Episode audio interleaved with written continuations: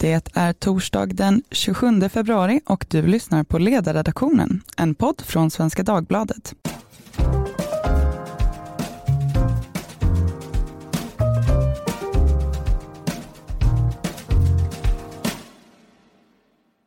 Jag heter Katarina Karkiainen och idag ska vi tala om brottsbekämpning, integritet och hur man ska väga de här sakerna mot varandra vad gäller häktning. Sverige har ju länge fått kritik för sina långa häktningstider. Idag i Ekot så diskuterades häktningstider med anledning av att handläggningstiden av undersökningar av spår från brottsplatser minskade något under förra året. Den övergripande bilden är dock densamma som tidigare, det vill säga att Sverige har internationellt långa häktningstider och i förra veckan kom en lagrådsremiss med förslag som syftar till att öka rättssäkerheten i det här avseendet. Det här hakar naturligtvis också in i den större debatt om brott och straff som är ständigt pågående i Sverige numera och hur man ska väga samhällets trygghet och därför medel för brottsbekämpning mot den enskilde individens integritet. Ja, hur ska man väga dem mot varandra? Är häktningstiderna för långa? Och skulle brottsbekämpningen bli lidande av att de blev kortare? Det ska vi tala om idag och det gör vi med Fredrik Bergman, tidigare hovrättsassessor och chef på Centrum för rättvisa, en stiftelse som står upp för individen genom att driva rättsprocesser och delta i debatten om rättighetsfrågor. Välkommen! Tack så mycket. Och Adam Danieli, juriststudent och skribent på Liberala Smedjan, en webbtidning från tankesmedjan Timbro. Välkommen! Tack. Och min kollega Ivar Arpi, hej! Hej! Vi börjar i det väldigt enkla. Vad innebär häktning och vad är tanken med att man har det? Ja, häktning är ju en, eh, en metod som man kan använda i det fallet som någon i Sverige är misstänkt för lite allvarligare brottslighet. Så som regelverket ser ut idag så krävs att någon kan bli dömd till fängelse och att man har en misstankegrad som uppnår sannolika skäl som huvudregel för att man ska få häkta människor i Sverige idag. Och eh, vi använder den här möjligheten, eller snarare åklagare och polis använder den här möjligheten väldigt mycket. Sverige har under ganska många år, två decennier åtminstone, fått ganska stark kritik internationellt, både från eh, FN och från Europarådet. Och jämför man med, med grannländer så är Sverige någon, ett land som häktar väldigt mycket och som använder det som kallas för restriktioner i väldigt hög utsträckning. Och det innebär alltså att man håller människor om, avskurna från omvärlden under den tid som en, en uh, utredning pågår. Hur omfattande är det här? Ungefär hur många är det som häktas i Sverige varje år? Ja, om man tittar på de siffrorna som kriminalvården har eh, gett ut så gäller de 2017, det året. Eh, och man kan se en ganska tydlig ökning från början av 2000-talet. Idag så är det ungefär, det fattas ungefär 10 000 beslut om häktningar varje år. Eh, och vid varje givet tillfälle ligger ungefär, eller sitter ungefär 2500 personer häktade i Sverige. Och det är en ganska stor andel, framförallt om man jämför med att det sitter ungefär 4500 personer kontinuerligt på våra anstalter. Så det är, det är en väldigt vanlig eh, en väldigt stor andel av de som är frihetsberövade i Sverige som sitter häktade. Och för det här så får Sverige alltså kritik. Vi ska säga det också att du har skrivit en text om det här i Smedjan som har publicerats nyligen. Berätta lite, vad består den här kritiken i? Ja, det är en ganska lång historia egentligen för att Sverige har Eh, skrivit under två stycken huvudsakliga konventioner vad gäller kränkande behandling och tortyr. Eh, och det skedde på 80-talet. Det är FNs tortyrkonvention och det är Europarådets konvention mot eh, kränkande behandling och tortyr.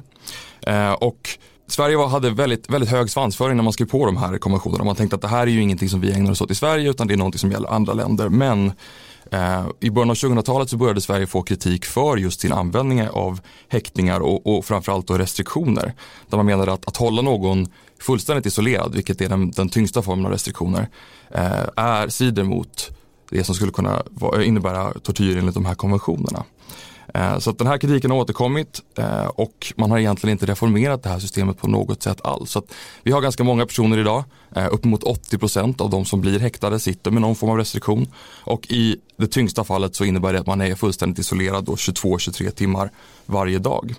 Och mot bakgrund av det här så har också justitieombudsmannen kommit med kritik ganska nyligen. Där man gjorde en, en, ganska lång granskning under två år vad gäller kriminalvårdens behandling och framförallt hur man jobbade med att bryta olika typer av isolering hos de intagna. Och där är, där är JO väldigt hård och säger att man har helt enkelt inte eh, tillgodosett den lagstadgade rätten utan människor sitter isolerade eh, och kriminalvården gör inte tillräckligt för att bryta den isoleringen. Och det här är ju någonting som eh, i längden blir väldigt, väldigt skadligt. Och i den längsta tiden som någon har suttit isolerad i Sverige är upp mot tusen dagar. Eh, och det är, det är ganska extremt i en internationell jämförelse.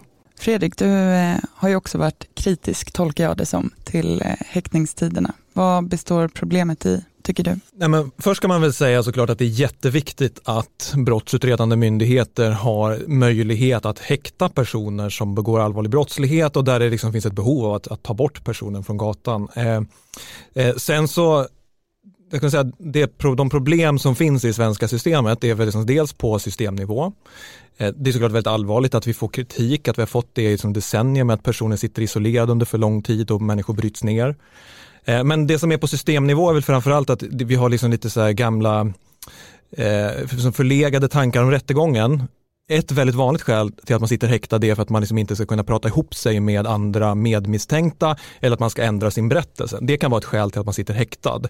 Eh, ett väldigt enkelt sätt att lösa den problematiken, alltså tanken är ju att det är som vittnesmålet vid huvudförhandlingen vid själva rättegången man ska förhindra då förändras under det tidet som brottsutredningen pågår.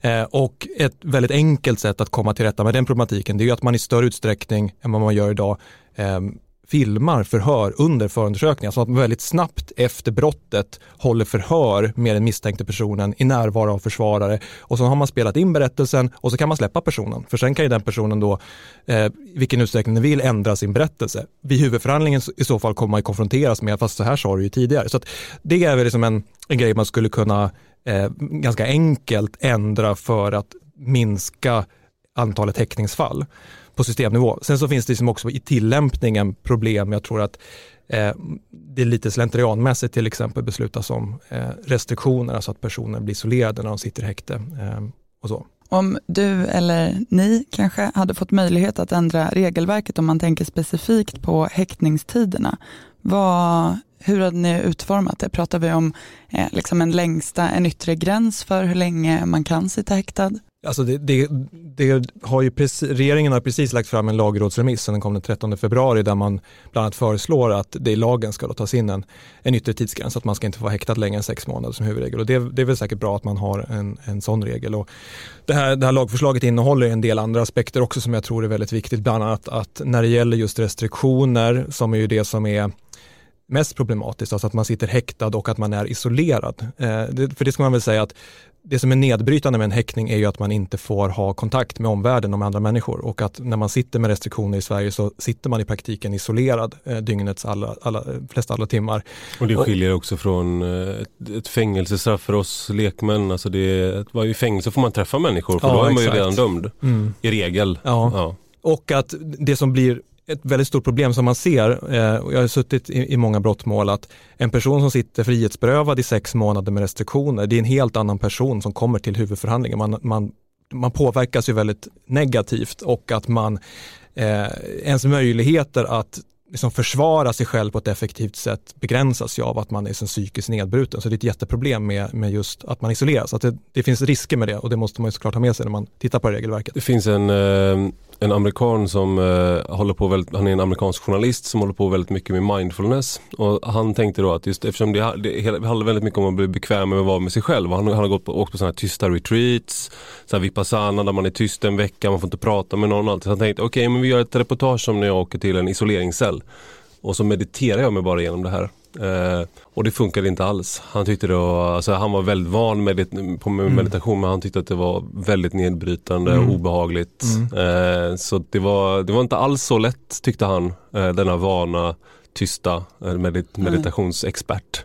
Så, så det, men det är ju också den värsta formen av straff, att isolera människor i mm. regel. I alla amerikanska filmer också så är det ju det de gör. De slänger in någon i en mörk, en mörk cell, liksom. det är det värsta. Liksom. Ja, och, och, det är det som kritiken i huvudsak har gått ut på, just att man sitter häktad under lång tid med restriktioner, att man är isolerad från omvärlden. Ja, men jag, jag tänker, en sak som jag ändå vill föra in nu, det är, det är ju att ett problem som vi har haft och som vi fortsätter att ha, det är ju att eh, människor kommer ut på gatan direkt. Man griper dem och sen så får du släppa dem direkt. Eh, och det kan ha, ha att göra med att de är minderåriga. Det kan ha att göra med att de har, du inte vet vem det är och att du måste få kontakt med socialen och liknande. Eh, som marockanska gatubarn till exempel, de har haft problem med det här med, i Stockholm. Och, och, att de är mis, misstänkta för någonting men, men du släpper dem ändå för de är för unga. Eh, och då har du ju just eh, ett problem med att å ena sidan har vi det här problemet med att människor sitter för, häktade för länge. Å andra sidan så har du att, att människor kommer ut för snabbt och fortsätter att begå brott. Eh, så det, det är liksom, vi har det sämsta av två världar kan man säga. Att vi, båda, vi har inte, möjliga, inte haft så bra möjlighet att, att, att hålla kvar människor som är farliga. Men å andra sidan så håller vi kvar människor och kanske att man är nu vet jag inte hur den här tidsgränsen skulle fungera. Man har den där med Parkinsons lag, att det här att en arbetsuppgift tar så lång tid som man har avsatt för den. Mm. Så om man tänker sig att man inför en, en, tidsgräns så kanske man kommer hitta sätt att få de här människorna igenom systemet om sex månader. Man vet att de kommer släppas om vi inte blir klara med det här. Mm. Men i värsta fall så blir det så att de här människorna det kan vara människor som absolut inte borde släppas, mm. eh, som kommer släppas ut på gatan. Men så ser regelverket också ut, att i Sverige har vi som ingen möjlighet till förvar, vilket man har i andra länder. Alltså att man kan trots att det inte, man, det handlar inte om att man eh, avtjänar någon slags brottspåföljd utan att man kan hålla en person i förvar på grund av att personen är farlig för samhället. Den möjligheten har vi inte i Sverige idag. Eh, och det innebär ju liksom också, för det ska man ha med sig när man tittar på hur reglerna om häktning ser ut, är att eh, det, grundförutsättning är att man är misstänkt för en viss allvarlig brottslighet, men det är inte i sig skäl för häktning, utan för att man ska få häkta så måste det också finnas något särskilt skäl för häktning. Och då handlar det vanligtvis om eh, flyktfara, och då kan man säga att där är det då personer som eh, kommer utifrån som vanligtvis häktas på den grunden att det finns en risk att personen flyr och undandrar sig, alltså att bli, att bli straffad. Eh, sen så handlar det om eh, återfall i brottslighet. Det är väl där då, det är Ivar, det är du är inne på, då, att man kan häkta personer då som är misstänkt för liksom upprepad brottslighet. Och att man ser, det, då handlar det om att plocka bort personen från gatan. Och sen det tredje vanliga fallet är ju att man häktar för att det finns flera medmisstänkta eh, som man kan prata ihop sig eller att det kan vara till exempel brott i närstående relationer, så också väldigt vanligt att man häktar för att det det ofta gärningsmannen då inte ska kunna påverka eh, målsäganden. Men det måste finnas något sånt häktningsskäl. Och sen så det här med att vi inte har någon eh, yttre tidsgräns i lag, det betyder inte att man kan få sitta häktad hur länge som helst i Sverige, utan att det där har man ju som löst i praktiken, nämligen att man har krav på proportionalitet.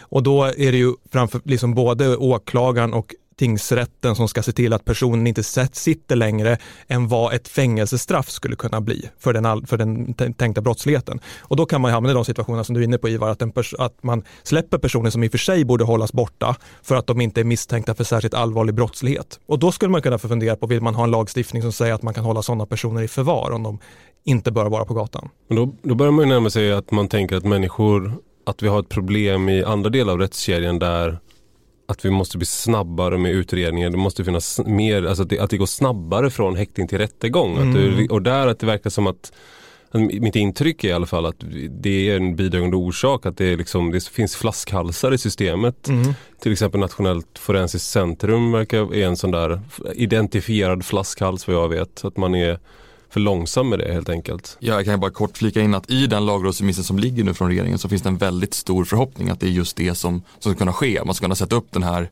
eh, den här tidsgränsen på sex månader som huvudregel då att vara häktad om man är vuxen och tre månader om man är minderårig.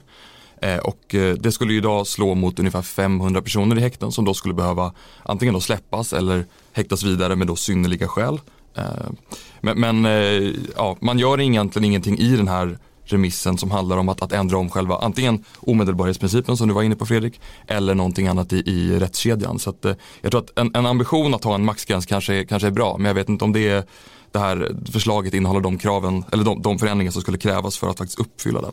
Speciellt när det kommer till minderåriga som då ska vara häktade i tre månader. Nej men exakt och om man nu inte kan föreställa sig omedelbara åtgärder för väldigt mycket högre effektivitet i de här processerna så blir det ju ändå eh, en fråga som hakar in i den större debatten om brott och straff som sker i Sverige nu, det vill säga hur ska man väga samhällets trygghet och därav brottsbekämpning mot eh, den enskildes integritet.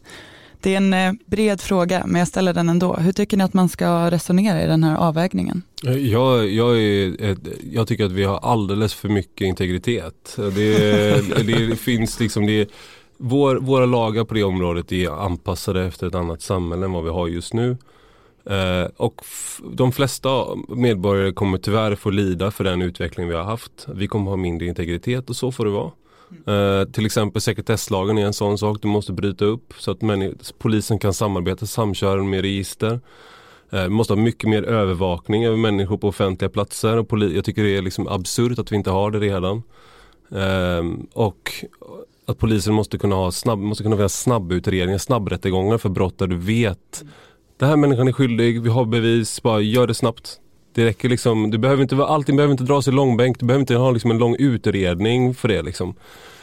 Så att generellt, det är självklart så att människors integritet måste respekteras men vi har haft alldeles för många eh, bromsklossar i den här debatten på alla de här punkterna. Det är min det åsikt. låter inte som att kortare häktningstider är högst upp på din prioritetslista. Jo, jo jag håller helt med om det. Eh, jag håller helt med om det för att jag tycker att eh, det i sig har att göra med ineffektivitet i, i utredningar. Så att eh, jag, jag, jag håller med om den kritiken. Jag, jag, inte, jag, inte liksom, jag, jag, vill inte att människor ska, de, oskyldiga människor ska inte straffas och när du är häktat så är det inte säkert att du är skyldig. Adam och Fredrik, ja, vad nej, säger jag, ni? jag, Frihet eller trygghet? Ja, jag tror kanske inte att det, det handlar om en, en, så enkel, eh, ett sånt enkelt motsatspar som frihet och trygghet. Och jag tror att i den politiska debatten idag så finns det en ganska utbredd uppfattning om att polisen i Sverige inte har tillgång till sådär väldigt mycket tvångsmedel. Eh, men eh, de facto om man kollar på det regelverket som finns så, så, är det ganska mycket som i andra länder inte alls skulle accepteras eller som skulle prövas i domstol som idag fattas beslut av, av åklagare till exempel. Så den här grejen att, att man, man på något sätt skulle kunna härleda en ökande brottslighet och en, en fallande utredningseffektivitet till att vi måste bara ha bättre, bättre verktyg. Den köper jag inte riktigt. Men vad, så, är det, vad är det du inte köper med det? Alltså för, för om du till exempel tar det här med i utsatta områden med grov brottslighet. Ja så har du ju människor som inte vill vittna idag till exempel. Mm. Så du har jättestort problem med det och du har jättestort problem med att du inte har kameraövervakning så du inte kan få bevismaterial och liknande. Så där är det ju, och hemlig dataavläsning till exempel, teknologin har sprungit iväg från polisen så mm. du inte har möjlighet att läsa av till exempel appar som telegram och, och sånt där. Mm. Där är det uppenbart att du behöver, eh, polisen behöver bättre verktyg för att komma åt brottsligheten. Men möjligheten att, att, att övervaka människor på allmän plats idag är inte speciellt begränsad. Man tog ju precis också bort det kravet som finns på, på eh, domstolsprövning av nya kameror till exempel. Och det, den möjligheten att, att övervaka eh, offentlig plats som finns för polisen, den är i princip helt oreglerad idag. Så man kan, man kan övervaka och filma människor på allmän plats i princip hur som helst. Den är inte oreglerad idag. Den är, och det, de gjorde, gick inte så långt som de borde ha gjort med den, eh, med den lagen. Och där var det också så att den utredningen man hade över kameraövervakning var ju att då fick ju regeringen gå in och säga att vi kommer gå emot vår egen utrednings slutsatser om de inte skärper sig. Och så fick, utredaren, fick de tillsätta en ny utredning. Det är så otroligt svårt att få svensk, svenskt rättsväsen och svensk polis och liksom att, att, att göra det som krävs för att kämpa, bekämpa brottsligheten. Förlåt men jag, jag, bara, jag bara tror att det verkligen, det här är verkligen ett fall där det verkligen absolut är så att polisen har alldeles för lite tvångsmedel eh, i vissa situationer eh, där till exempel människor inte vill vittna, där du har gängstrukturer eh, och i utsatta områden till exempel. Ja, men det är otroligt viktigt att, att folk känner att de vågar vittna, att man har förtroende för polisen och för åklagarna och för rättsväsendet. Och, eh, så att alla de där sakerna som du säger håller jag såklart med om. Det som, och samhällsdebatten ser ju ut på det sättet nu är att det är mycket fokus på brott och straff. Eh, man vill ha, se till att polisen har tillräckliga eh, straffprocessuella eh, verktyg för att kunna utreda, utreda brott effektivt. Det som är liksom väldigt viktigt i det här, för det är, liksom, det är ju en politisk diskussion och det är från ett sånt här rättsstatsperspektiv så det ligger liksom lite vid sidan av frågan om grundläggande fri rättigheter. Det, det, hör till politiken att man ska diskutera de här frågorna utefter vad, vilka behov som finns i samhället. Det som finns en risk i Sverige är att vi har som inte någon lång rättsstatlig tradition med stark domstolskontroll av att lagar är förenliga med grundläggande fri och rättigheter. Det är som en ganska ny företeelse i Sverige. Om man tar den amerikanska debatten staten så de flesta amerikaner vet ju om att de har en grundlag och grundläggande fri och rättigheter och att domstolarna ytterst kan skydda medborgarna från maktövergrepp från statens sida. Den traditionen har vi ju inte i Sverige och det är väl det som är en risk i det klimat som vi har idag när eh, man ropar på längre straff och hårdare tag. Just att kan rättsväsendet stå emot om det går för långt? Det är där då som man kan uttrycka, tänk, känna viss oro. Samtidigt här, så jag, jag tänker, jag, jag, håller med om att det är en risk. I USA är det intressant för där har du ju också lagar som gör att medborgaren själv kan ta lagen i sina, i sina egna händer i väldigt många delstater. Och i Sverige så är det liksom... Du tänker eh, möjligheten att försvara sin egendom? Och... Stand your ground-lagar mm, till exempel. Mm. Jag tänkte, jag såg ett klipp med Joe Biden då. Han fick en fråga av Parents Magazine. Där de sa, ja men hur kommer det bli nu med de nya hårdare vapenlagarna? Kommer det vara en, en mamma som frågade om hon kunde få behålla sin Assault Rifle 15 då som är så här, helautomatiskt eh, vapen då för att försvara sin familj. Och han då, är som är en, en mes, mesig demokrat då, han sa att nej nej nej, alltså, du behöver inte det här, du behöver bara en shotgun. Köp bara en shotgun, det är det jag säger till min fru. Om, if, there ever, if there's ever a problem, just go out on the balcony and fire two rounds with a 12 gauge shotgun. Will, no problem. Get a shotgun. Get a shotgun. Och han då fick kritik för att han var, en gun, att, att han var för mesig. Liksom. Så det, det är liksom ändå en sån här i Sverige så har vi ju har vi delegerat otroligt mycket till staten och så när mm. staten också när vi uppfattar att staten sviker i sitt, liksom, i sitt uppdrag mm. att skydda medborgarna så eh, blir det också en eh, Alltså man, människor upplever sveket där tror jag väldigt starkt i Sverige idag just nu. För att vi, och vi har ju ingen tradition, vi kommer ju inte få en sån en sån mes eh, som Joe Biden då i en amerikansk kontext. Han är ju liksom den värsta höken skulle han ju vara här liksom. Eh, så där, där befinner de sig i, i, sin debatt om de här sakerna. Mm. Han, fi, han fick kritik för att, ja, från vänster för att det han sa då men jag tror ändå att vi är relativt överens om eh, ambitionen. Get att, a shotgun. att eh, korta häckningstiderna. Det är ju naturligtvis okontroversiellt om man inte väger emot vad som är så att säga kostnaden. Så frågan först skulle jag säga är ju, vad är det då man behöver göra för att göra att de här domstolsprocesserna blir snabbare? Helt kort. Ja, som jag nämnde tidigare så finns det en väldigt stor optimism på då att det är det som man ska kunna göra. Eh, jag tror ju kanske framförallt att, att lösningen på häktningstiderna är det som vi nämnde tidigare med omedelbarhet och hur, hur eh, rättegångarna är utformade i Sverige. Jag tänkte bara lägga in att, att i de övriga nordiska länderna så fanns det tidigare en väldigt stor kritik liknande den som Sverige får eh, för att man häktade människor för länge.